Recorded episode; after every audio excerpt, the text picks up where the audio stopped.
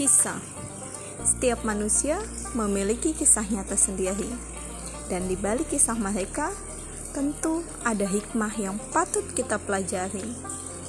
Untuk menjadi manusia yang lebih kuat Manusia yang lebih baik dari versi sebelumnya Dan manusia yang menyadari kehambaannya terhadap Tuhan.